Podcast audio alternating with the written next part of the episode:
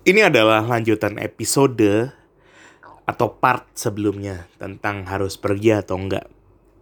Tentang resign atau enggak. Kalau yang belum dengerin silahkan dengerin sebelumnya. Ini gue akan bahas lanjutannya. Jadi untuk konteks gue coba sampaikan bahwa resign yang gue akan ceritakan hanya terkait dengan keputusan untuk melanjutkan karir. Kalau konteksnya keluarga, kesehatan, dan pendidikan, ini masalah prioritas hidup masing-masing lah. Gue nggak begitu tahu karena gue juga belum nikah, gue belum punya keluarga kecil, keluarga gue yang sekarang juga asik-asik aja. Sama gue bisa nyelesain pendidikan gue ketika gue bekerja juga. Jadi gue pengen share kalau lu mau resign dengan mempertimbangkan karir ini ya ininya lah guidance-nya. Anjir so, so ngasih tahu gini. So asik. Tapi bodoh lah. Yang pertama yang harus dipertimbangkan ya lebih baik resign sih kalau skillnya memang nggak berkembang. Skill kita dari awal dari masuk sampai sekarang kayak udah menahun yang dikerjain tuh itu mulu itu mulu itu mulu. Nggak tambah pinter nggak ada kesempatan belajar lagi. Kayaknya ini memang harus resign. Karena apa ya coba? Investasi yang berharga itu ya ke diri kita sendiri. Secara ilmu secara knowledge itu kan sama ya. Uh, banyak banyak hal-hal kayak gitu yang harus kita pikirkan gitu kalau nggak ada investasi ke arah tersebut lebih baik ya resign. Tapi pastiin lah udah dapat kerja. Tapi ini exceptionnya kalau kita udah nyaman atau siap lah hidup dengan hidup sampai mampus ngerjain hal-hal kayak gitu terus-terusan yang nggak ada masalah sebenarnya. Tapi kalau lu gelisah tiap hari ngedumel, ya move on lah. Either ngelakuin hal-hal yang tadi gue udah kasih tahu atau cari kerjaan. Intinya gitu tuh. Pertimbangkan kalau skill lu nggak ke mana-mana ya lebih baik resign. Terus pertimbangkan juga kalau jenjang karir nggak jelas. Kalau kamu masih staff supervisor gitu ya levelnya usahakan bertahan maksimal 3 tahun di posisi yang sama mungkin selama itu tidak ada perubahan beberapa faktor. Yang pertama adalah level kemampuanmu emang udah maksimal tuh segitu aja udah mentok nggak bisa ke mana-mana lagi. Yang kedua mungkin pekerjaan yang kamu punya itu skillnya memang spesifik. Engineer, graphic designer, megang sebuah produk atau segala macam emang spesifik skill. Yang ketiga, atasan langsung atau uh, manajer kita atau siapa pun yang langsung di atas kita itu memang belum naik jabatan. Sama keempat, kategori jawab uh, jabatannya mentok. Gini ya, gue coba bahas deh satu-satu ini uh, tentang jenjang karir ini, karena gue pernah ngerasain dan merasakan banget gimana caranya. Tapi ini ini uh, ini bisa dipraktekkan atau enggak ya coba teman-teman nilai sendiri ya.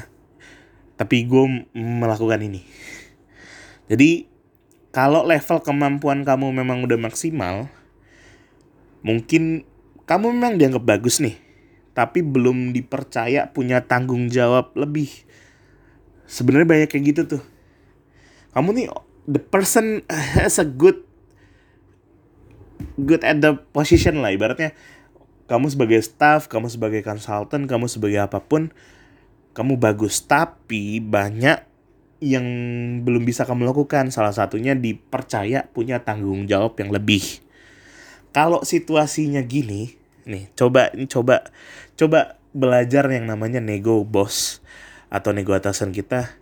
Memungkinkan nggak kita dila, diberikan masa percobaan atau probation untuk punya tanggung jawab atau untuk punya naik jabatan?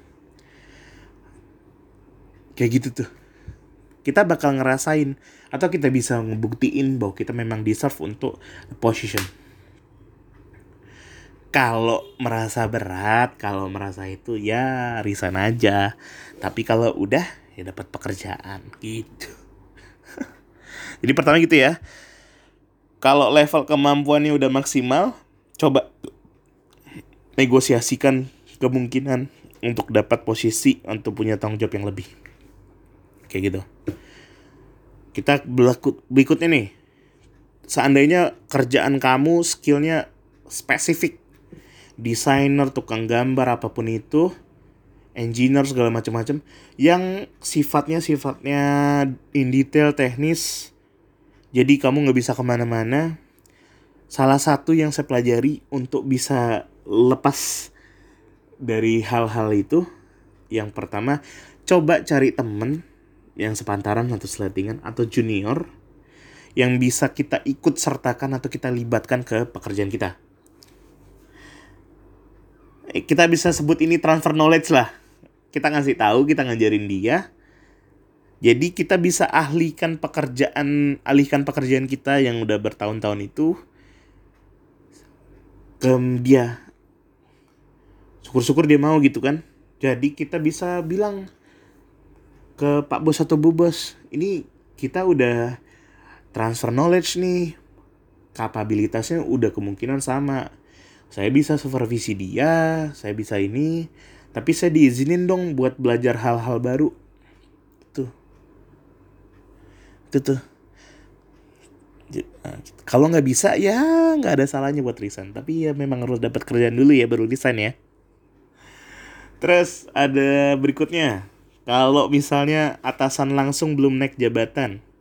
Nah, mungkin banyak nih kejadian perasaan kita tuh udah layak buat naik dan punya tanggung jawab yang mulai sama. Tapi si manajer kita atau atasan kita langsung nih nggak naik-naik posisinya. Ada beberapa hal yang mungkin bisa dilakukan. Coba pikirkan, hitung-hitung, analisis segala macam kemungkinan kita untuk bikin uh, another team, tim kedua atau sebutlah apa pun itu yang beda dengan atasan kita. Coba obrolin possibility ini, ide-ide ini memungkinkan atau enggak seandainya kalau scope pekerjaannya atau bisnisnya akan expand atau meluas kan nggak menutupi satu departemen punya dua tim. Gua rasa sih hal-hal kayak gini udah mulai populer ya di tipe organisasi yang agile gitu yang tepat berubah. Tapi ya sekali lagi kalau lu pada males bersaing kesannya nyikut-sikutan ya lebih baik cabut sih. Tapi inget ya kalau udah dapet kerjaan. Terus ada yang sering bilang kategori jabatan yang mentok. Biasanya perusahaan keluarga tuh yang levelnya ada senioritas segala macam kalau uh, apa promosinya sistem itu siapa yang lebih dulu masuk dia itu. Jadi kita kalau dia bego ya udah ngelama aja tuh. Ini lebih baik tinggal deh. Gue belum pernah ngerasain tuh kayak gitu tuh. Pindah aja lah. Karena secara organisasi nggak bikin kita dewasa terus segala macam yang kayak gitu gitu tuh lebih baik ditinggalin. Tapi kembali lagi kalau udah punya pekerjaan baru boleh tinggalkan. Oke okay. uh, eh, pagi kategori job jabatan yang mentok itu kan banyak tuh. Kalau di yang gue jalanin sekarang itu dia punya karir pet yang panjang sebenarnya. Sebagai team leader atau sebagai subject matter expert kayak gitu tuh. Jadi kita bisa punya tim tapi kita juga bisa expert di satu hal. Which is good. Walaupun secara title sama-sama aja tapi secara uh, apa yang kita dapat mungkin akan berbeda. Gitu nah tadi kan gue udah bilang tuh ada beberapa pertimbangan tuh kan masalah-masalah kayak gitu harus dikonsiderasi lah. Jadi dapat tawaran yang lebih baik juga kita mungkin udah nyaman nih. Terus ada yang nawarin pindah. Ternyata setelah ditelusuri benefitnya dan hampir semua aspek itu promising lah. Tapi ya gue ingetin, jangan buru-buru, pikir lebih panjang.